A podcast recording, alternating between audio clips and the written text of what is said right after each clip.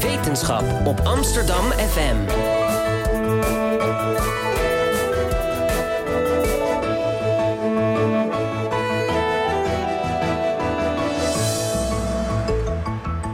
Radio Swammerdam. Goedemorgen, dames en heren, lieve luisteraars en welkom. Welkom bij een nieuw seizoen van Radio Swammerdam. Ehm, we zijn nieuw terug naar de zomer en we hopen dat u een hele fijne zomer heeft gehad. En ehm, wij hebben in ieder geval niet stilgezeten en zoals bij elk nieuw seizoen eh, hebben we ook een aantal nieuwe stemmen. Eén daarvan zit hier bij mij aan tafel en is mijn medepresentator vandaag, Mirjam. Goedemorgen Mirjam. Goedemorgen, Luc. Welkom bij Radio Zwammerdam. Ehm, je bent nieuw in de redactie, dus ehm, mijn vraag zou zijn: waar wil je je komend jaar echt op richten? Eh, nou, ik wil eigenlijk heel graag dat Radio Zwammerdam zich een beetje uitbreidt met ook reportages. Eh, het programma is nu natuurlijk al heel bijzonder, omdat we altijd live interviews combineren met een mooie column en af en toe een eh, bijzonder fragment. Maar ik hoop eigenlijk bij te dragen door wat bijzondere uitstapjes te gaan maken buiten de studio. En de eerste daarvan, die eerste reportage, die gaan we binnenkort horen, of niet? Ja, als het goed is al volgende week, maar uh, hij staat nog op poten, dus pin, me er niet op vast. Oké, nou, we zijn hartstikke benieuwd. Um, ik denk dat het een goede toevoeging is, zowel jij als dat reportage-idee aan ons programma. Um, en vandaag beginnen we ook aan een nieuw dossier, het dossier tijd. In dit dossier gaan we de verschillende dimensies en facetten van het concept tijd onderzoeken. En vandaag hebben we het daarbij over de verleden tijd. En dan met name over herinnering aan de verleden tijd, aan onze geschiedenis dus. Um, het is vandaag ook een bijzondere dag. Het is vandaag 11 september 2016. Dat is precies 15 jaar uh, na 11 september 2001, de dag waarop er uh, aanslagen werden gepleegd op het Amerikaans vasteland. Um, maar ja, uh, we gaan het dus hebben over herinneren. En misschien dat we ook komen te spreken over 9-11, maar we gaan het meer hebben over herinneren aan een andere tijd. Um, we gaan het vooral hebben over herinneringscultuur aan de Tweede Wereldoorlog. En dan met name over de ontwikkeling van de Hollandse Schouwburg als een plek van herinnering. Dit doen we samen met David Duindam, onze gast vandaag. Hij is literatuurwetenschapper.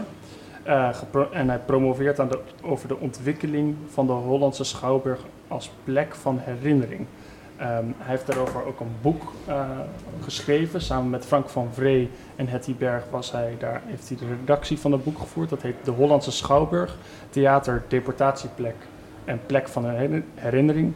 Uh, dat is uitgegeven bij Amsterdam University Press. En David is verbonden aan de Amsterdam School of Heritage and Memory Studies. Goedemorgen David. Goedemorgen. Um, we spreken straks over jouw onderzoek, maar eerst wil ik van je weten: kan jij je herinneren of je eerder op de radio was? Ja, uh, ik ben twee keer eerder op de radio geweest. En de eerste keer was bij uh, Radio Zwammerdam. Bij een van jullie uh, voorlopers, want er was toen nog geen live publiek. En het zat er nog op het Rokin, of op het Damrak. Ja. Ja, dus dat was de eerste Lang keer. geleden. Lang geleden. Um, en daarna nog vaker? Eén keer nog bij, met het oog op morgen. Uh, dat was ook heel erg leuk om te doen toen het boek uitkwam. Ja. Was dat, had je daar net zoveel de ruimte als hier? nee, dat was een wat kleiner studiootje. ja.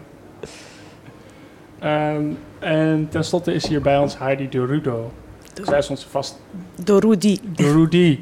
zeg ik het fout. Sorry Heidi. Geeft niks. Zij is onze vaste columniste. Um, ja, Heidi, is er een plek uh, waar jouw herinneringen van op hol gaan slaan? op hol gaan slaan. Ja.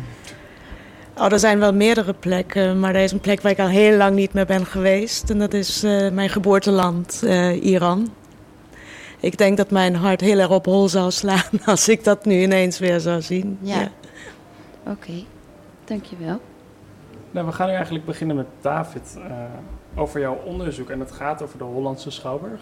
Um, aangezien zelfs onze premier niet precies weet wat de Hollandse Schouwburg is, is het misschien goed om even te vertellen wat de Hollandse Schouwburg is en wat er allemaal gebeurd is. Zowel voor als tijdens de oorlog. Ja, nou, de Hollandse Schouwburg is gebouwd in 1892 in uh, de plantagebuurt in Amsterdam. En dat was toen echt een uitgaansbuurt met uh, vier, vijf theaters, een panorama, uh, de, uitstallingen. Dus het was eigenlijk de, de uitgangsbuurt van Amsterdam. En in de Tweede Wereldoorlog is, is dat theater toen gebruikt om gedurende 16 maanden de, de Joden van Amsterdam, maar ook buiten Amsterdam, te verzamelen voordat zij naar de, de kampen werden eh, gedeporteerd. Uh, dus het is toen een deportatieplaats geworden. En uh, ja, heel erg vreemd natuurlijk dat, dat, een theater, een plek van vermaak, zo'n uh, ja, zo'n droevige bestemming heeft gehad. en na de oorlog, en dat is eigenlijk waar mijn onderzoek zich op heeft gericht, um, is het al heel erg snel een plek van herinnering geworden. Een plek waar nou, de herinnering aan de Jodenvervolging, aan de Holocaust vorm kreeg. En uh, hoe dat precies is gebeurd, dat is eigenlijk heel erg bijzonder. En dat, daar zal ik vandaag wat gaan over vandaag over praten. Ja, ja en um, je zegt dat tijdens de Tweede Wereldoorlog de Hollandse Schouwburg een plek was waar Joden werden verzameld voor deportatie. Was dat direct in de Tweede Wereldoorlog het geval? Nee, dat is uh, de, ja, zeg maar de vervolging van de Joden is echt in, in fase gegaan. Mm -hmm. Langzaam maar zeker werd de Joodse bevolking in Nederland steeds meer geïsoleerd. Uh, eerst met nou ja, zeg maar, min of meer kleinere verordeningen. Bijvoorbeeld dat ze niet mochten deelnemen aan openbare koren, theater. ze mochten niet meer optreden.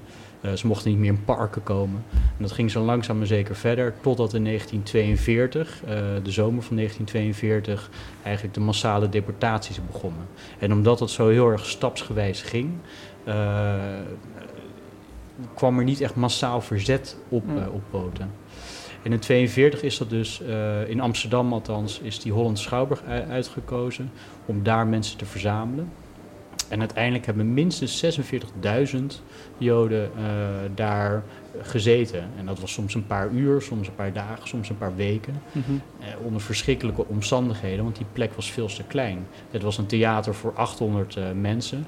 En er is, een, uh, ja, er is een document waaruit blijkt dat er op een bepaald moment zelfs 1300 mensen wow. zaten. En vaak dus ook zieke mensen, oude mensen, baby's. Geen sanitaire. Geen sanitaire, ja. of bijna niet. veel te weinig. dus het was, ja, het was verschrikkelijk toen. Mm. En uh, wat is, uh, hoe ben je erop gekomen om de Hollandse Schouwburg te onderzoeken, om hiermee bezig te gaan met deze plek als ja. herinneringsplek? Hoe komt dat? Nou, het, was een, uh, het was een positie, die, een plek die mijn promotors, promotoris Frank van Vreen en Rob van der Laarsen hadden gecreëerd. Die hadden geld geworven, onder andere van MBO. En met het Joods Historisch Museum als, als partner. Uh, en zij zochten naar een uh, jonge onderzoeker die dat uh, wilde gaan doen. dus ik heb daar eigenlijk naar gesolliciteerd. Dus dat is het saaie antwoord. en tijdens die sollicitatie kwam eigenlijk ook ter sprake... Goh, heb je persoonlijk een band met de geschiedenis van... of de herinnering aan die, de, de Holocaust, de Hollandse Schouwburg? Was dat een voorwaarde? Nee, nou... toen ik nee zei, en later hebben ze dat ook gezegd... vertelden ze mij nou, dat ze dat eigenlijk wel nou, niet zo fijn vonden, maar prima vonden, omdat ik daardoor misschien wat meer uh, uh, van een afstand naar die geschiedenis kon kijken. Wat zakelijker. Wat zakelijker. Maar wat blijkt als het gaat om überhaupt onderzoek doen en, en, vooral als het gaat om de geschiedenis en herinneringen aan die holocaust, niks is objectief. Je bent altijd op een of andere manier betrokken.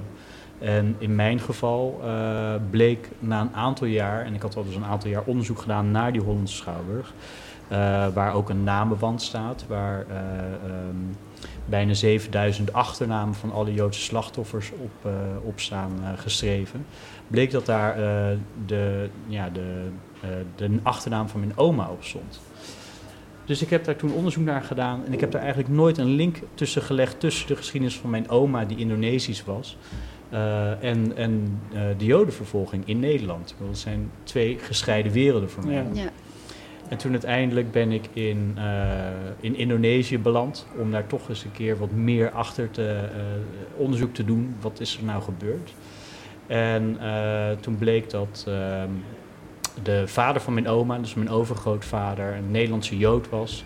Die rond 1900 naar Indonesië was verhuisd. En nou ja, daar zijn leven heeft voortgezet. Terwijl zijn familieleden hier in Nederland, in Europa, bleven. En uh, dus tijdens, tijdens die Tweede Wereldoorlog allemaal zijn vermoord en omgekomen. Ja, dus je hebt wel degelijk een emotionele band, of tenminste een persoonlijke band. Met ja, en dat werd toen ook eigenlijk emotioneel. Ja, dat kan me voorstellen. Ja. En heeft het jouw onderzoek nog beïnvloed? Nou, dat, het is wel een van mijn conclusies. dat, eh, dat bezoekers zo'n plek eigenlijk altijd eh, zich toe-eigenen.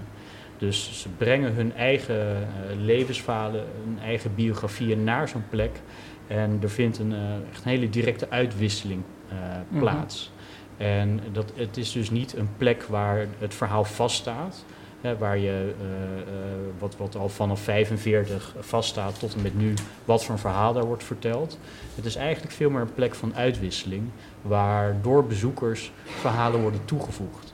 En ik denk dat dat ook de reden is waarom dit soort plekken van belang zijn, maar ook waarom dit soort plekken zullen blijven eh, bestaan. En ook nog steeds relevant zijn voor mensen van nou, zeg 18, 19 die daar nu naartoe gaan. Dus eigenlijk, en als we het dan wat meer theoretisch over herinneringsplekken hebben, is het zo dat een herinneringsplek niet bestaat absoluut of niet op zichzelf zonder de sociale eh, omgeving. Ja, zeker. Ehm, eh, een plek is een plek. Hè. Zonder sociale of menselijke interactie is het gewoon een, ruimte. Een plek wordt pas betekenisvol als mensen daar betekenis aan eh, ja, naartoe brengen en uithalen. Ja, dus dat is zeker het geval. En jij bent eigenlijk literatuurwetenschapper, eh, maar je bent verbonden aan die Amsterdam School of Heritage and Memory Studies. Ehm, zijn daar alleen maar literatuurwetenschappers of lopen daar ook andersoortige wetenschappers rond? Ja, en eigenlijk eh, is het heel erg ja, interdisciplinair. Ja. Überhaupt het onderzoek naar de herinnering eh, aan, aan het verleden. Eh, en dan hebben we het dus over niet zozeer historische studies naar hoe het precies was, hè, wie is gewezen. Ehm, maar eigenlijk veel meer naar de manier waarop we als collectief of als groepen eh, een geschiedenis in het hier en nu vormgeven. Het klinkt een beetje ingewikkeld misschien, maar heel simpel gezegd. eh, het feit dat uh, Schindler's List bijvoorbeeld eh, is voor heel veel mensen denk ik een, een, eh, een, een hele grote bron van hoe zij vormgeven aan de holocaust. Hoe ze herinneren, en daar herinneren is dus metaforisch hierin eigenlijk, eh, hoe die holocaust moet zijn geweest. Dus ik denk dat eh, Schindler's List net zoveel invloed heeft gehad als nou, zeg maar, schoolboeken die mensen hebben gelezen. Ja. En, en samen vormen die en heel veel andere culturele eh, artefacten natuurlijk ook, boeken. eh, Anne Frank dagboek is er een heel goed voorbeeld van. Eh, samen vormen die eigenlijk een, een heel dynamisch veld, wat we dan ja, de herinnering aan die Tweede Wereldoorlog noemen. En eh, ehm, ik probeer een beetje de vinger op de plek te krijgen wat herinnering dan precies is. Is herinnering dan een soort van spons, wat alleen maar opneemt wat er, of wat een soort van reflecteert wat er in de omgeving gebeurt? Hoe veranderlijk is zo'n herinnering, zeg maar? Ehm, ja, het is, eh, het is zeker iets wat altijd verandert. Ik weet niet of je het een spons kan noemen. Ik denk dat we bij, in, in, eh, Spiegel. bij ja, spiegel. In eh, herinneringsstudies hebben we het over verschillende dimensies. En eh, je zou bijvoorbeeld kunnen zeggen, je hebt eh, persoonlijke herinneringen. Gewoon, hè, jij en ik, wat herinneren ons van 9-11? Ja, Ik kan me herinneren dat ik naar CNN zat te kijken en die beelden zag. Dus je zou kunnen zeggen, dat zijn, al, dat zijn mijn persoonlijke er- herinneringen Ja. eraan. Vervolgens heb je eh, generationele herinneringen. Dat is de herinneringen die ik via mijn moeder en mijn oma heb van mijn overgrootvader. Die zijn dus... eh, Die oh, jou verteld zijn. die mij verteld zijn, ja. Eh, dus dat, dat heeft alweer wat meer eh, invloed op me dan een herinnering die ik uit een boek eh, krijg. Ja. En dan eh, het derde veld is eh, eigenlijk gemedieerde eh, herinneringen. Dus die via culturele artefacten worden doorgegeven, zoals films, zoals boeken, zoals musea. Ja, dus ook plaatsen, dus En plekken. plaatsen van Ja. herinnering. Ja. en dat is jouw... Jij, jij bestudeert vooral die gemedieerde herinneringen. Ja, ja, en daarom hè, als literatuurwetenschapper of als filosoof kan je je daar dus dan eh, bijvoorbeeld op richten. Ehm, is dat voor jou, Mirjam, heb jij, heb, jij, heb jij het gevoel dat, je, dat onze luisteraars niet precies weten wat herinnering is? Nee, Oeh, dat is een goede vraag. Eh, ik kan het natuurlijk over mezelf hebben. Ik denk dat ik nu wel goed begrijp wat voor soorten herinneringen er zijn. Maar eh, wat ik wel interessant vind is herinneren. Is dat iets wat, je, wat dus echt voornamelijk een denkproces is? Of is dat ook iets wat je echt fysiek kunt doen? Echt een actie die je kunt ondernemen. Dus bijvoorbeeld door naar zo'n plek te gaan. Is daar nog een onderscheid in te maken? Uh, nou, het allerbelangrijkste aan een herinnering is, is eigenlijk dat het het allebei is. Het is een, een actief proces in je hersenen, uh, in het hier en nu. Dus het is iets wat je nu maakt. Dus als ik mijzelf iets herinner, is dat niet dat, uh, dat ik een uh, herinnering uit een kast haal, als het ware. En um, eigenlijk min of meer ongeschonden mezelf herinner van precies zoals bijvoorbeeld 9-11, 11 september. De herinneringen, herinneringen die ik aan die dag heb, die zijn in de afgelopen 15 jaar beïnvloed door films, ja. uh, door documentaires, door boeken die ik daarover heb, uh, ja. heb, gegeven. Dus die herinnering is inderdaad iets heel erg dynamisch en iets wat uh, nu gebeurt. Ja. ja. Ja, zoals voor mij, als we het dan toch over 9-11 hebben, de invloed of de herinnering aan 9-11 verandert toen ik een boek las van Jonathan Safran Foer, Extremely Loud and Incredibly Close. Ja. Uh, dat gaat daar ook over, over iemand die daar uh, ook familie verliest. Dus dan eigenlijk zo'n cultuurproduct heeft, dan kan dan effect hebben hoe zo'n herinnering verandert. Ja. Op individueel vlak. Hoe werkt dat dan collectief, zeg maar? Hoe, bestaat zoiets als een collectieve herinnering? Ja. Nee, ik ben daar zelf uh, sceptisch over, omdat dat, ja, het is te uh, generiek om te zeggen de collectieve herinnering van Nederland bijvoorbeeld uh, aan die Tweede Wereldoorlog is zo en zo. Juist omdat er ook in Nederland bijvoorbeeld hele andere ervaringen waren en manieren van verwerken tussen zeg maar uh, uh, Joodse Nederlanders en, en niet-Joodse Nederlanders. Ja.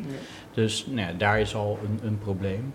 Ehm, maar je kunt wel bredere lijnen trekken en, en kijken naar bijvoorbeeld na, direct nadat een ramp zich heeft voltrokken of nadat er een oorlog is geweest is er in het algemeen sprake van een behoefte aan helderheid.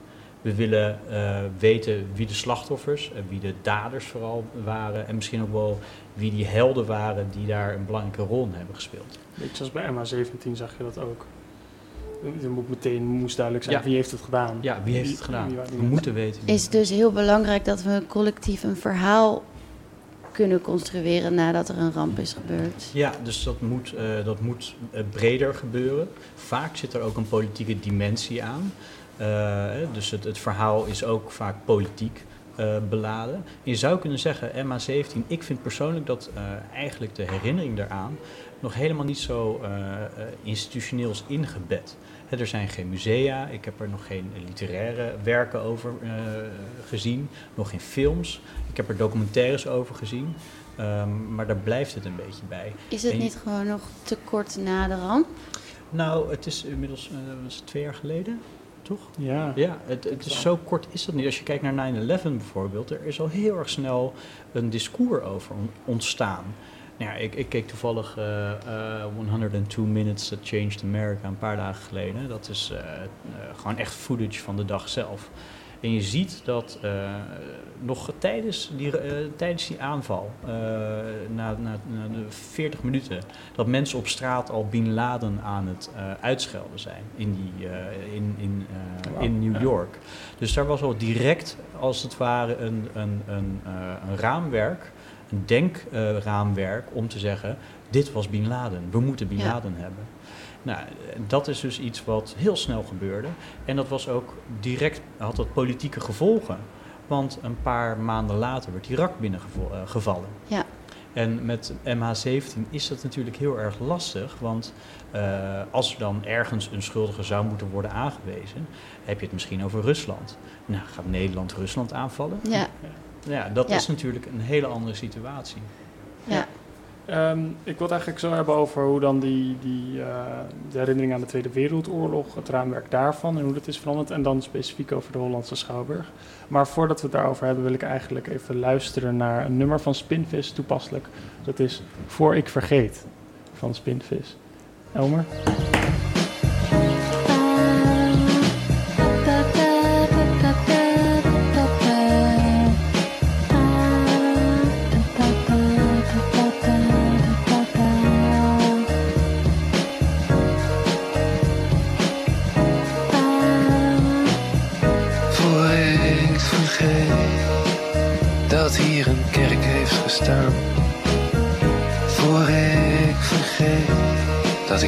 Jarig was en een tiktak in mijn neus gehad had toen we naar Zeeland zijn gegaan.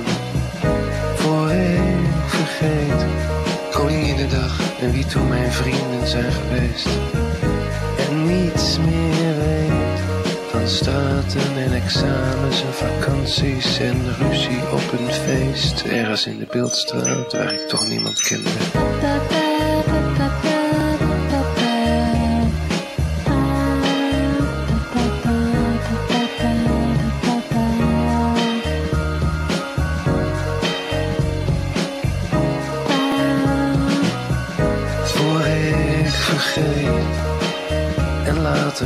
Alles anders heet.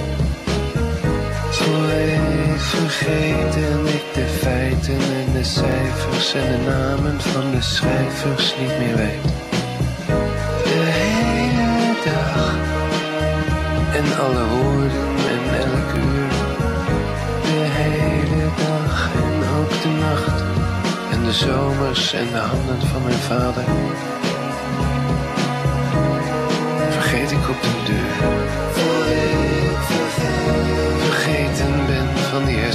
Van die toestand met dat huis. En dat ik iemand was die van alles wou en niets begreep. Van de film waarin hij speelde en de loveback die hij was. Ik hou van jou. Ik hou zoveel van jou. Tot ik. Jou vergeet. Jou vergeet.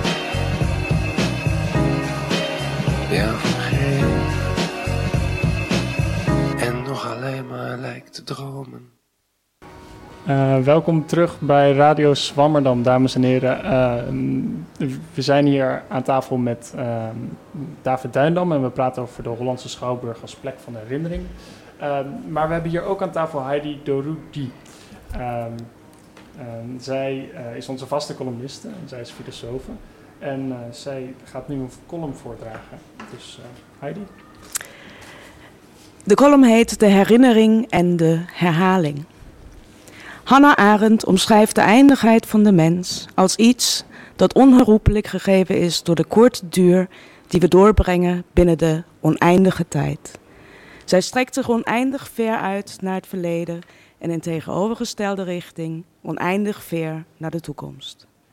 Zodra we met onze geboorte de ruimte van de wereld binnenkomen, zijn we ook in de tijd. We herinneren, we verzamelen en zoals Augustinus dat zegt, we halen uit de buik van het geheugen terug wat niet meer tegenwoordig is. We denken echter niet alleen na over het verleden, over wat is geweest. We denken ook vooruit, de toekomst in en maken plannen voor wat nog niet is. Als we aan tijd denken, dan doen we dat in termen van een eindeloze lineaire tijd die continuïteit en kwantiteit vertegenwoordigt. De lineaire tijd is een automatische permanentie die alsmaar voortwoekert en waarin het ene nu het vorige nu opvolgt, zelfs opslokt. Geen enkel nu is in deze vaste, homogene en continue stroom van nu-punten vast te houden. Hoe vaak zeggen we niet: Ik heb geen tijd, de tijd ontglipt me, wat gaat het allemaal snel? In de lineaire tijd lijken we geen tijd te hebben en stormen we rechtstreeks af op onze dood zonder enige houvast en soms zonder enige zin. We worden geboren, we gaan dood en daartussen hebben we feitelijk niets anders dan tijd. Terwijl dan blijkt dat we die niet eens in eigenlijke zin hebben. Bovendien leven we in een tijdperk waarin allerlei wetenschappen zich voortdurend bezighouden met oorzakelijkheid, met determinerende factoren die voorafgaan in de lineaire tijd. De natuurwetenschap, de biologie, de neurofysiologie, de empirische psychologie. Allemaal houden ze zich bezig met het vinden van verklaringen die in het verleden liggen en die onontkoombaar onze huidige levenssituatie zouden hebben veroorzaakt. Maar hoe zit het dan met vrijheid? Vrijheid heeft toch alles te maken met openheid, met een niet gedetermineerdheid die we met toekomst associëren. Kan het dan niet zo zijn dat niet het verleden beslissend is, maar de toekomst? Precies met deze schijnbare tegenspraak bedrijft Søren Kierkegaard de filosofie. Aangezien het hem uiteindelijk gaat om de vrijheid, heeft de toekomst in zijn tijdstheorie de prioriteit boven het verleden en het heden. Toekomst heeft immers te maken met mogelijkheid en die weegt voor de vrijheid zwaarder dan de werkelijkheid. Dat de toekomst prioriteit heeft, betekent echter niet dat de andere tijdsmodi er niet toe doen. Alle mogelijkheden die ik in mijn eindige leven heb en waarop ik me kan ontwerpen, zijn reeds bepaald en zodoende begrensd. Ik ben nu eenmaal in een bepaalde tijd, cultuur met bepaalde biologische eigenschappen geboren. Daar zit een hele geschiedenis en traditie aan vast. Dit noemt de Martin Heidegger de geworpenheid van de mens in de eigen individuele facticiteit, waardoor er bepaalde mogelijkheden voor mij bij voorbaat al zijn uitgesloten. Mijn mogelijkheden komen mij dus toe vanuit mijn facticiteit en deze facticiteit heb ik geërfd. Ze speelt bovendien gedurende mijn hele leven een rol, omdat het geen eenmalige zaak is die afgesloten in het verleden ligt. Volgens zowel Heidegger als Kierkegaard ben ik daarom schuldig. Wat betekent dat mijn eindigheid mijn verantwoordelijkheid is. Pas als ik mijn facticiteit op me neem, als ik dus de erfenis van mijn factische mogelijkheden aanvaard, pas dan kan ik als vrij mens iets doen met mijn vrijheid. Nu wordt dan ook de samenhang zichtbaar tussen toekomst en verleden. Zonder een eigenlijk verleden, dat wil zeggen een in vrijheid zelf gekozen verleden, is een eigenlijke en dus vrije en open toekomst niet mogelijk. Maar hetzelfde geldt ook andersom. Pas door mijn toekomstigheid, dat is de mogelijkheid van mijn vrijheid, ben ik überhaupt in staat mijn geërfd verleden telkens weer op me te nemen. Heidegger noemt het eigenlijke verleden die Wiederholung, de herhaling.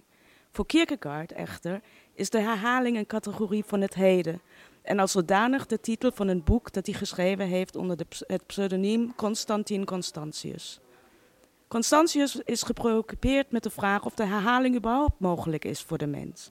Is niet elke poging om de beweging van de herhaling te kunnen maken uiteindelijk toch gedoemd te mislukken? Als het zo was, dan zou blijken dat ik me mijn verleden slechts kan herinneren en dat ik het dus nimmer kan herhalen. Constantius doet iets dat Heidegger niet heeft gedaan. Als het gaat om het verleden, dan speelt ook de herinnering een rol en staat zij in samenhang met de herhaling. Hij zegt daarover: herhaling en herinnering zijn dezelfde beweging, alleen in tegengestelde richting. Want wat herinnerd wordt, is geweest, wordt achterwaarts herhaald. Terwijl daarentegen de eigenlijke herhaling voorwaarts wordt herinnerd. Het probleem van, de herhaling is dat zij nooit een repetitie kan zijn van iets dat al gebeurd is. Ik kan mijn verleden immers niet naar het heden halen met als doel helemaal van voren af aan te beginnen en dan deze keer anders. Evenmin kan ik terug in de tijd om een reeds gedane daad of keuze ongedaan te maken of, en daar gaat het uiteindelijk om, mijn erfenis te veranderen. En toch is het wezenlijke van de herhaling dat zij een wending brengt een vernieuwing ter plaatse van het verleden. Dit is dan ook de reden waarom de herhaling een categorie van het heden is. Want de herhaling maakt wat is geweest, en ondanks dat het is geweest, tot iets nieuws. Tot een mogelijkheid waardoor hetgeen ooit is geweest, nu voor het eerst is. Het verleden is dus niet werkelijk afgesloten. Het wordt pas verleden, kan dat pas worden, als het herhaald wordt. Wordt deze mogelijkheid die de mens heeft met betrekking tot hun verleden niet op deze manier begrepen, maar louter als een nu dat voorgoed voorbij is, niet meer te grijpen is, dan, zo zegt Constantius, lost het hele leven op in een leeg, inhoudsloos gebulder. Wil mijn leven dus samenhang hebben, niet zinloos, en ondanks mijn eindigheid vooral vrij zijn, dan is de mogelijkheid van de herhaling cruciaal.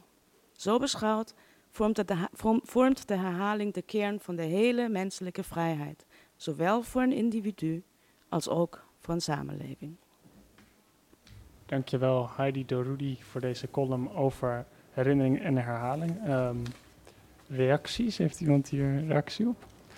Nou, ik wil er wel graag op reageren, want uh, het valt me heel erg op dat je in je column eigenlijk precies de aspecten van tijd aanstipt die wij eigenlijk hadden bij het bedenken van dit thema. Wat, dat is heel mooi. Dat is echt uh, heel bijzonder, want we gaan deze uitzending voornamelijk in op de tijd als een herinnering. Maar we zullen in een volgende uitzending ook over tijd gaan spreken als hoe je dat eigenlijk in je hersenen, in je brein ervaart. En nog een uitzending maken met een meer natuurkundige blik. Wat is tijd eigenlijk en hoe bestaat dat? Dus dat vind ik wel heel bijzonder, dat je het filosofische concept tijd voor ons zo even hebt ingeleid. Dank je wel Dat is wel daarvoor. erg mooi voor de luisteren. Ja, dankjewel. Ehm ook dat aspect van herhaling is ook iets wat bij de herinnering aan de Holocaust een grote rol speelt. Eh, het bekende spiegelmonument van Jan Wolkers in het Wertheimpark in Amsterdam, daar staat nooit meer Auschwitz. Aan, als aan de Holocaust wordt gedacht, wordt altijd gedacht van dat moet nooit meer. David, misschien aan jou de vraag, is dat iets wat nieuw is? De herinnering aan de Holocaust als iets wat niet herhaald moet worden? Is dat iets van de laatste tijd dat daar de nadruk op ligt als we denken aan de Holocaust?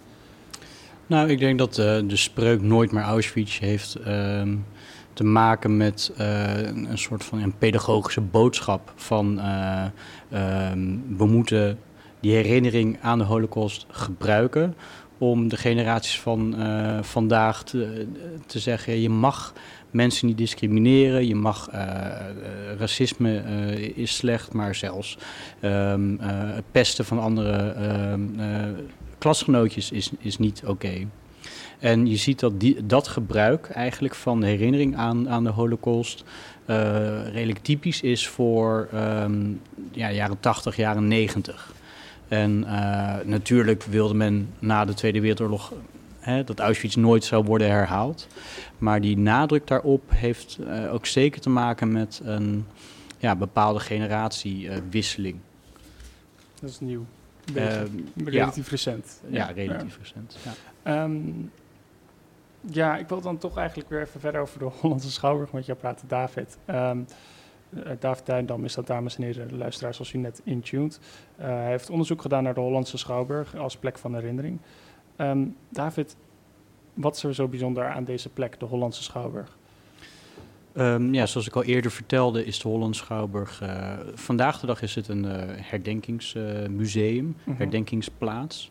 En ehm, eh, wat er bijzonder aan is, is dat het eigenlijk eh, in heel Europa is er niet een vergelijkbare plek die eh, binnen een ja, stedelijke omgeving staat. Ehm, en nog steeds in de, ja, de originele staat min of meer is. Ehm, waar eh, ja, Joden werden verzameld en, en eh, voordat ze werden gedeporteerd. Waar die herinnering zo tastbaar nog is. In Parijs heb je het eh Velodroom. Eh, een, een, eh, een, eh, een plek waar Joden werden ver- verzameld.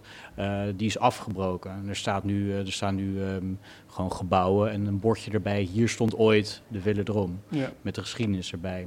Natuurlijk een hele andere soort ervaring. Er is een voetbalstadion in, in Wenen, waar dan wel, eh, dat nog wel steeds bestaat. Maar daar wordt gewoon nog steeds gevoetbald. Dus er staat ook een bordje eh, over, iets over die Ja. geschiedenis. En die Holland Schouwburg is eigenlijk eh, wat dat betreft eh, een- echt een bijzondere plek, omdat het nog die vorm heeft van eh, voor en tijdens de, de oorlog. En, en dat, dat was, het was niet direct na de oorlog duidelijk dat dat ook niet weer een theater zou worden, toch? Het heeft zich toch een beetje Ja, apart ontwikkeld. Ja, nou, dus de deportatieperiode duurde 16 maanden, van de zomer van 42 tot november eh, eh, eh, 43. En daarna stond het gebouw leeg. En ehm, het Was is het toen... de enige plek eigenlijk in Amsterdam? Het was de belangrijkste plek. Ehm, ehm, maar er werden ook bijvoorbeeld mensen die in onderduik zaten, werden opgepakt. Die hadden iets illegaals gedaan. En dat is een beetje rare eh, logica, maar die werden naar de gevangenis gebracht. Dus er zijn ook heel veel Joden via de gevangenis dan eh, eh, gedeporteerd. Of eh, alsnog via de Hollandse Schouwburg. Maar er waren dus ook andere plekken. Maar dit was echt wel de hoofdplek in Amsterdam. En in heel Nederland, Den Haag en Rotterdam hebben ook dat soort plekken gehad. Maar die waren nou ja, toch iets, iets, iets kleiner. Ja. Minder massaal qua aantallen mensen. Ja. Ehm, nou, en wat daar eh, dus in, in de oorlog in 1944 is die plek gekocht door een paar eh, ondernemers eh, uit Deventer. Die na de oorlog daar gewoon weer een theater wilden maken. Mhm. Dus na vijf maanden verscheen er een, een kleine advertentie in de krant dat de zalen te huur waren. En dat was heel erg uh, tegen het zere been van, uh, van Amsterdammers. Niet alleen Joodse Amsterdammers, maar ook gewoon Amsterdammers uh, die in het verzet zaten of, of überhaupt ja, hier een emotionele ja, band mee hadden met die plek. die zeiden van ja, dit kan niet. Je kunt niet op deze plek vooral niet weer een theater beginnen. Weer een plek van, van vermaak opzetten. Dus uh, toen is er heel erg snel een, een comité gevormd met uh, Sam de Wolf als voorzitter, een beroemde uh, Joodse socialist, die, die een aantal mensen om zich, zich, zich had verzameld en um, uiteindelijk geld heeft ingezameld om het, dat theater weer terug te kopen. Om inderdaad dus dat te voorkomen dat er weer vermaak werd getoond. Wat hoopten zij dat de Schouwburg dan zou worden voor een plek? Uh, Sam de Wolf was heel erg van het, uh, het lernen. Hè. Dus uh, het moest een plek zijn van kennis vergaren, kennis uitwisselen. Ehm, dus je zou kunnen zeggen, het idee van een museum, dat paste heel erg in zijn denkbeeld. Ehm, maar ze hadden, en dat was ook weer, dat heeft een heel groot gevolg gehad. Toen zij uiteindelijk die plek hadden gekocht, hebben ze um, het geschonken aan de gemeente Amsterdam maar eigenlijk zonder een, een bestemming daaraan te geven. Dus een belangrijkste doel was het voorkomen van vermaak. Maar wat er dan moest gebeuren, dat was eigenlijk heel onduidelijk. onduidelijk. En daardoor heeft het tot 1962 geduurd, dus hè, 17 jaar na de oorlog pas, dat daar uh, echt iets uh, uh, opende. Namelijk de eerste herdenkingsplaats in, in Nederland. Een publieke herdenkingsplaats die de, de ja, vervolging van de Joden herdacht. En dus er was daarvoor geen uh, publieke herdenkingsplaats voor de Holocaust. Uh, hoe komt dat? Heeft dat te maken met de herinnering van, uh, die toen heerste in Nederland aan de Tweede Wereldoorlog? Ja, ja je ziet in de eerste 15 jaar na de oorlog dat, nou, wat ik net ook al zei, na dit soort rampen is er in eerste instantie behoefte aan een zwart-wit beeld. Ja. daders, slachtoffers en helden, zeg maar. Slachtoffers krijgen eigenlijk nog het minste aandacht. Dus het gaat vooral over daders en helden. Um, en dus dat had je. Uh, weinig aandacht voor de slachtoffers. En ten tweede was Nederland zichzelf opnieuw aan het uitvinden. Uh, Nederland was natuurlijk overrompeld en vernietigd op militair niveau. Het stelde niks voor. had zichzelf niet kunnen bevrijden. Moest worden bevrijd door de geallieerde uh, legers. Dus hè, als, als, als een natie had het geen um, meer om op te staan. Ja.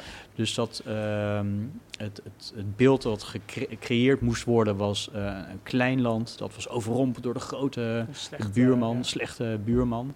Um, maar gelukkig hadden we, hebben we het overleefd en hebben we alle ja, slechte elementen weten te, uh, uit het land te schoppen. En NSB'ers die werden daardoor dus ook heel erg duidelijk uh, aangewezen. Dit waren de foute Nederlanders. Nou, die hebben we ook min of meer uit die samenleving weten te duwen. Mm -hmm. En de rest van Nederland heeft als één eenheid um, geleden. En uh, als één eenheid moet het ook worden herinnerd.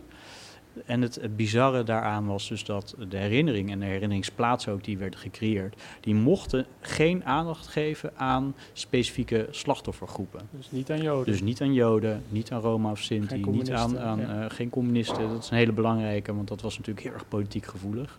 Uh, uh, geen herinnering aan, aan homoseksuelen, die werden vervolgd. Terwijl natuurlijk vooral Joden extreem meer vervolgd werden dan welke groep dan ook. Ja in Nederland is uh, 80% van de, Nederlands, uh, van de Joodse bevolking gewoon uitgewist. Dat is wel een van de hoogste percentages in Europa. Ja. ja. ja. Maar uh, dit is iets uh, wat door de overheid dan dus bedacht was. We moeten de, de oorlog als eenheid ja. herinneren.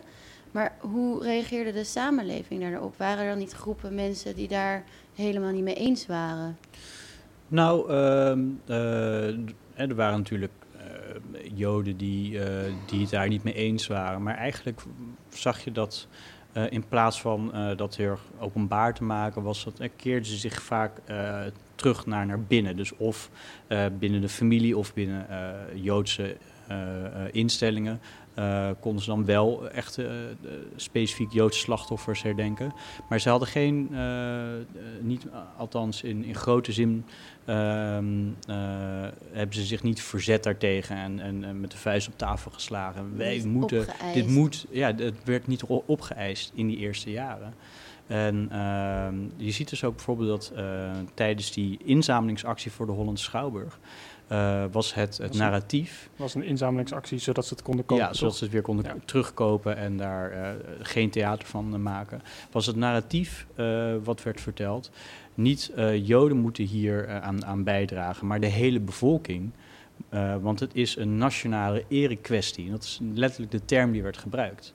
En, eh, en, en ehm, dat was succesvol, want daardoor kwam dat geld eh, op tafel om dat te kopen. Ja.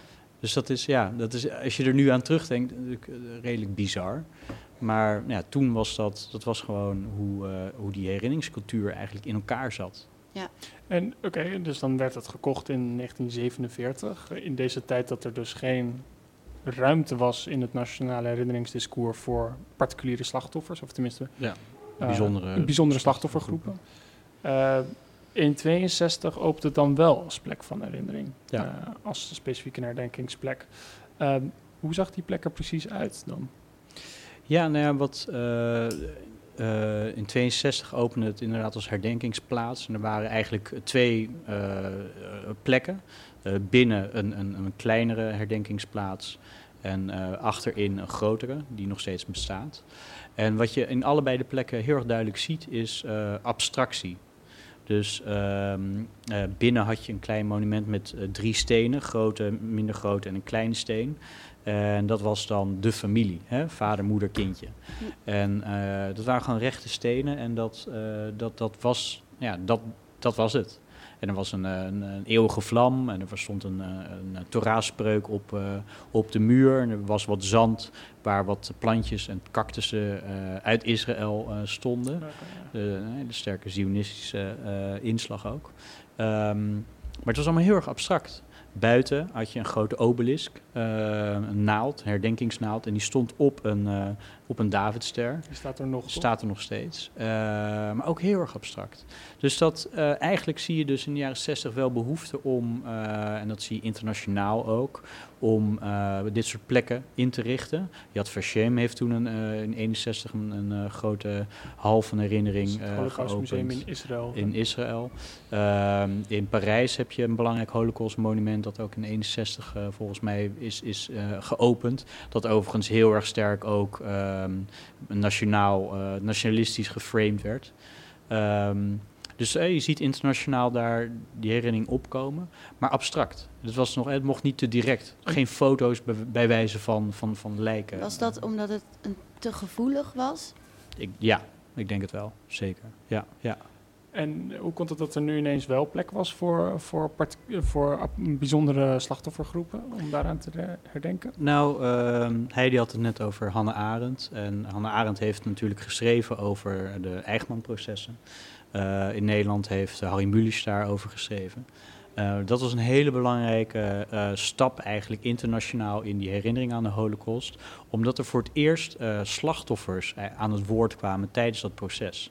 Je ziet ook dat het proces, en er is heel veel onderzoek naar gedaan, eigenlijk veel meer... nou, het was natuurlijk gericht tegen Eichmann, maar het was ook een kans voor heel veel individuele slachtoffers om hun verhaal te doen. En daarnaast was het het eerste media-event dat min of meer live werd uitgezonden over de hele wereld. Ja. Eh, niet live live, zoals dit, maar eh, het werd opgenomen en nog eh, een dag later uitgezonden. Dat was ook nog eens heel erg bijzonder. Ehm, maar je ziet dus dat daar voor het eerst nou, werden mensen die een verhaal deden over nou, de term planeet Auschwitz, kwam daar bijvoorbeeld ook ter sprake. Ja. Mensen die, die flauw vielen omdat ze hun getuigenis deden. Het was allemaal heel erg heftig. En voor het eerst, en ook in Israël, was er toen een besef, er zijn slachtoffers. Want als je het over nationalistische framing had in Israël, was het extreem. Er werden slachtoffers van Auschwitz, werden stukken zeep genoemd, gewoon op straat, omdat ze als, eh, zichzelf zogenaamd als, eh, als lamme makken eh, eh, Mee hebben laten voeren. mee hebben laten Ja. voeren. Ja. En eh, de echte helden, dat waren de Joden van de, de ghetto-opstand uit, uit eh, Warschau. uit Warschau. Ja. Dus dat, eh, ook daar zie je in, in de jaren zestig een, een, een breuk ontstaan. Dus we zien dan een breuk eigenlijk van, oké, eh, in Nederland, als we het heel even hebben over Nederland, maar kennelijk ook internationaal, van geen plek voor bijzondere slachtoffergroepen. Ja. In het Nederlandse herinnering-discours aan de Tweede Wereldoorlog, jaren 60 verandert dat in, oké, er is plek voor eh, bijzondere slachtoffergroepen. En dat zien we ook terug in de Hollandse Schouwburg. Dat is een perfecte vertegenwoordiging eigenlijk van die breuk misschien wel. En is het daarna nog een keer veranderd? Of is dat zo gebleven zoals het in de jaren 60 was? Nee, nee, dat is zeker nog veranderd. Ehm, ja, er zijn natuurlijk allerlei kleinere breukjes, maar heel erg eh, groot Seismische breuken. Dan Ja. zou je kunnen zeggen dat in de jaren, eh, eind jaren 80, begin jaren 90, eigenlijk ehm, de derde generatie kwam van eh, kleinkinderen van slachtoffers. Ehm, maar waar dat verhaal ook nog breder werd getrokken. Eh, je had het net over nooit meer Auschwitz. Nou, dat was ook in die tijd dat ook niet-Joodse eh, Nederlanders eh, veel meer werden geconfronteerd met die geschiedenis. Maar vaak ook niet ehm, die geschiedenis kenden. Dus in de jaren 60 werd min of meer wel eh, eh, een directe ervaring, directe persoonlijke herinneringen verwacht van heel veel mensen. Als je in de oorlog had geleefd, dan hoefde je niet nog te horen wat er allemaal was gebeurd. Ja. In de jaren 80, 90 was het natuurlijk anders. Hè. Het onderwijs Ja. richtte zich daar veel meer op.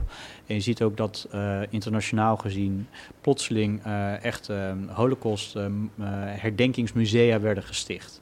Een van de belangrijkste in Washington. Gek genoeg, hè. daar is natuurlijk eh, eh, geen... ehm, Er heeft zich niks heeft plaatsgevonden. Niet daar ter plekke. Wel heel veel Joodse eh, Amerikanen natuurlijk die daar familierelaties mee hebben. Maar dat is in het midden van Washington gezet. De Washington Wall. Dus symbolisch gezien op de belangrijkste, de hart van de natie, van de Amerikaanse natie, daar staat het, eh het Holocaustmuseum. Terwijl er bijvoorbeeld geen museum is voor eh, de, eh, de slavernijverleden.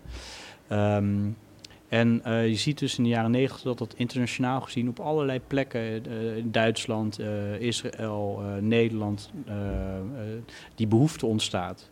Dus dat is eigenlijk de, die, die tweede breuk, zou je kunnen zeggen. En eh, ja, vandaag de dag hebben we het weer over een andere eh, situatie. Ja, precies. Want vandaag de dag, ehm, er is nu heel veel, of er was de laatste tijd enige controverse in Amsterdam over de oprichting van een nieuw monument, het Holocaust Namenmonument. Ehm, misschien wil ik daar heel even luisteren naar een fragment en ik wil even aan de techniek doorgeven dat het alleen maar gaat om het laatste stukje. Kan de techniek dat vinden? Ja, zet maar aan Elmer. challenging with, with more than 100,000 names. Yeah, it's not necessary to have a big names when it when you But it has to be them. readable. But it has to be readable. It has to be readable, and it will have to also be it's touch, useless. touching. Yeah. Het is in- de verste verte natuurlijk niet een monument te bedenken. Dat ook mee eens. Wie we daar hoorden was Daniel Liebeskind die vertelt over het nieuwe namenmonument. Ehm, dat is, moet een groot monument worden. En belangrijk bij het monument is dat je alle namen van alle Nederlandse slachtoffers kan, eh, eh, kan lezen. En worden daar in reactie erop eh, meneer Grieshaver van het Nederlands Auschwitz-comité zeggen... je moet het kunnen aanraken, je moet die namen kunnen aanraken. Ehm, David, mijn vraag eigenlijk aan jou over dit monument is... eh, hoe kijk je naar... Want niet iedereen is het eens dat het monument er komt. Buurtbewoners om bepaalde eh, stadspolitieke redenen. eh, maar ook andere eh, mensen over de herinneringspolitieke redenen. Hoe kijk je aan tegen deze controverse of tegen dit monument? Nou, ik denk eh, qua ontwikkeling is het niet zozeer controversieel. Want ik denk dat eh, eh, vandaag de dag heel erg veel behoefte is aan het persoonlijke, indi- individuele verhaal. Ehm, eh, dat tactiele, wat hij zei, je moet het kunnen aanraken, die namen. Dus het past eigenlijk heel erg goed bij wat je vandaag de dag ziet. Niet zozeer de jaren 80 en 90, hè, de, de, de, de grand narratives, het uitleggen van zo was het. Maar veel meer ehm, plekken waar je zelf jouw persoonlijke verhaal naartoe kunt brengen, maar ook de persoonlijke verhalen van slachtoffers kunt, eh, kunt krijgen. Eh, dus wat dat betreft past het heel erg in, in die ontwikkeling. Eh, alleen de vorm, de vorm van dit monument is, eh, is denk ik wat minder eh, ja, geslaagd. Omdat het een hele monumentale en ook wat rigide vorm heeft. Ja. Hè, die namen die staan daar en, en die zeggen eigenlijk niks anders dan de naam. Het is heel erg gemonumentaliseerd en, en, en gefixeerd. En Dus- als je, ja? Het is ook dezelfde vorm als die is aangenomen op Ground Zero. Ja. Dat is ook een naam. Maar daar heb je eh, ten eerste iets minder namen. En ten tweede heb je bij al die namen volgens mij een interactie. Je kunt met allerlei app- applicaties eh, de, Ja. de, de verhalen van die individuen eh, naar boven halen. En dat wordt denk ik toch moeilijker als je het hebt over meer dan 102.000 individuele namen. Dus het, het, het gevaar is dat het een soort van brei wordt. Die daardoor niet zozeer niets zegt, maar moeilijk is om daar eh, eh, betekenis aan, aan te geven als, eh, voor individuele bezoekers. En er is ook een namenwand in de Hollandse Schouwburg. Eh, hoe verschilt die dan hiervan? Eh, nee, je hebt daar natuurlijk een, een min of meer hetzelfde probleem. Ehm, dat zijn 6700 familienamen, zoals ik net zei. Familienamen. dat Ja, dus dat is al net wat abstracter. Maar ze hebben daar de afgelopen jaren ook heel erg eh, geprobeerd om eh, juist die individuele verhalen achter die familienamen naar boven te brengen. Bijvoorbeeld door applicaties te ontwikkelen daarvoor.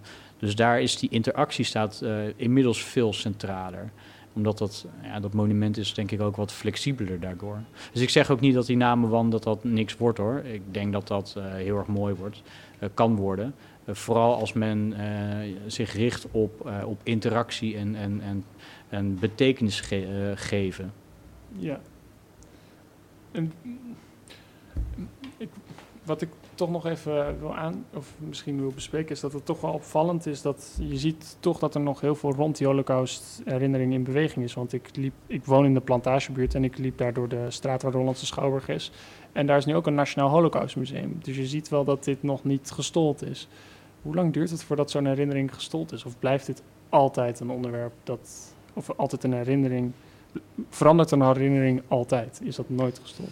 Nou, een herinnering, eh, of ja, de herinnering aan de jodenvervolging, aan de holocaust, zal altijd eh, veranderen, dynamisch zijn, tot het moment dat het niet meer centraal staat in, in onze samenleving. Nederland had eh, tot de, de Tweede Wereldoorlog eigenlijk alleen maar ehm, eh, herdenkingen. Ehm, een herdenkingscultuur gericht op, eh, op Napoleon.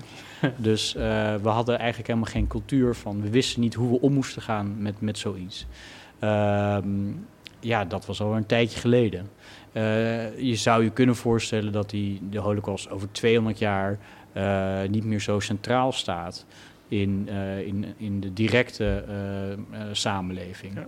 Ehm, maar goed, als het nog steeds eh, eh, belangrijk is voor mensen, zal die ook blijven veranderen. En de manier waarop we er eh, over praten zal blijven veranderen. Ik wilde nog wel iets vragen over de, de politiek van een plek van herinnering. Want we hebben het gehad over het nieuwe namenmonument. Er worden eigenlijk nog best vaak nieuwe ideeën geopperd om deze tijd te herinneren en te eren. Maar betekent dat dan ook dat een plek een soort houdbaarheidsdatum heeft? Dat een bepaalde herinneringsplek op een gegeven moment niet meer dat gewenste effect heeft? Ja, het is een hele goede vraag. Ik denk eh, twee dingen. Ik denk dat de plek, sec, dus zonder alle poespassen omheen, eh, juist heel erg belangrijk is. Ik noem dat zelf, eh, dat zijn een soort van indexicale tekens. Ehm, waar eh, die, die ook over, over 20, 30 jaar, voor misschien duizend jaar nog steeds van, eh, van belang zijn. Hè. Auschwitz bijvoorbeeld, Anne Frankhuis, Holland Schouwburg. Eh, als je dat, ja, dat blijven betekenisvolle plekken. De, de vraag is vooral, hoe presenteer je die plekken? En de presentatie van die plekken, die is zeker ja, vergankelijk. Ja. Dus, ehm, eh, eh, sorry, die eh, herdenkingsnaald waar we het net over hadden uit 62. Ik denk voor heel veel bezoekers dat die eh, totaal niet meer relevant is. Maar de muren eh, daaromheen, de afgebokkelde muren, alle, alle ehm, gekke plekjes waar, waar je als bezoeker kunt bedenken... misschien heeft hier een slachtoffer wel zijn hand opgelegd. Ja. Die zullen het altijd nog belangrijk... Toch weer dat persoonlijke wat we de laatste jaren Ja. Eh, zien bij het herinneren aan de Tweede Wereldoorlog. Zeker. Ja, ik wil, ik wil hier even toch een klein ding nog toevoegen. Ik, ik hoop dat dit soort gebeurtenissen altijd bespreekbaar blijven. Ook over 200 jaar, ook over 300 jaar. En dat is iets, en dan wil ik hem toch even noemen, Benjamin. Elke geschiedenis heeft iets uh, dat heet Jetztzeit, nu-tijd. En je had het net over betekenis. En het gaat juist daarom dat je de betekenis ziet van, van, van wat er eigenlijk gebeurd is. Dat het geen afgesloten onderdeel in het verleden is. Dat het nog steeds betekenis heeft. En vooral ook een waarde in het besluit hoe we de toekomst in gaan richten. En dus ik hoop, ongeacht hoe het gepresenteerd wordt of niet, dat de Holocaust. Ik vind dat die nog te weinig bespreekbaar is, maar dat die blijft en dat die vooral weer bespreekbaar gemaakt wordt. Dat wilde ik nog even meegeven. Ik, denk, ik denk dat herinneringsplekken daarin een belangrijke rol kunnen spelen. Absoluut, ja. ja. absoluut. Ja. Um, David, de eindtune begint straks. Ik heb een laatste vraag aan jou. Um, de Hollandse Schouwburg, gaat die veranderen, denk je, de komende periode? Want ik uh, was op bezoek deze week en het deed mij met alle respect de tentoonstelling een beetje ouderwets overkomen. Um, ja, nou, ik heb net mijn proefschrift afgerond. Voor de zomer ben ik gepromoveerd. En dat was uh, onderdeel van een uh, groot proces van vernieuwing. En een van de uitkomsten was het nieuwe museum aan de overkant. Ja. En uh, dat zal de komende jaren, als de benodigde 15 miljoen euro bij elkaar uh, worden gebracht, zal daar een uh, groot museum worden geplaatst. En die Hollandse Schouwburg zal dan veel meer echt een, een, een, een ja, stolsel van de tijd blijven. Okay. En dus daar, daar, zijn, daar zijn mensen heel erg actief mee bezig. Oké, okay, nou interessant. Dus, de, dus ik zou willen, ik hoorde eindje al, ik zou willen zeggen dankjewel David. Um, hopelijk blijf je mooi onderzoek doen. Gaat dat ook gebeuren nog? Zeker, zeker. Okay, mooi. Uh, dames en heren, u hoorde David Duindam. Hij is literatuurwetenschapper en gepromoveerd op de ontwikkeling van de Hollandse Schouwburg. Uh, als plek van herinnering. Hij schreef een boek De Hollandse Schouwburg samen met Frank van Veen Hetty Berg, uh, uitgegeven bij Amsterdam University Press. Ik kan het zeker aanraden. En ga ook op bezoek bij de Hollandse Schouwburg. Dankjewel Heidi voor de prachtige column, uh, die ook later vanmiddag op de website komt. Uh, bedankt Mirjam voor de presentatie. Graag gedaan. Jij bedankt. Uh, bedankt. Elmer, Maribeth en Misha voor de techniek. Later vanmiddag kunt u de hele uitzending terugluisteren op Soundcloud. Uh, hij komt natuurlijk ook weer in de iTunes Store via een podcast. Dus hij wordt ook weer naar uw iPhone of Android apparaat gestuurd. Uh, like ons op Facebook, volg ons op Twitter. Uh, subscriben kan altijd via de iTunes Store of waar dan ook waar je podcast luistert. Dan hoef je nooit meer de wekker te zetten en dan kan je altijd luisteren naar onze podcast um, en radioshow. Leukste blijft natuurlijk als u live langskomt. Dat kan, er is koffie. En volgende week zijn we weer om 11 uur. Dan hoort u een nieuwe uitzending in het dossier Amsterdam. Volgens mij gaat het over internet in Amsterdam. Mijn naam was Luc Brands. U luistert naar Radio Zwammerdam en we wensen u voor nu nog een hele fijne zondag 11 september. Dank u wel.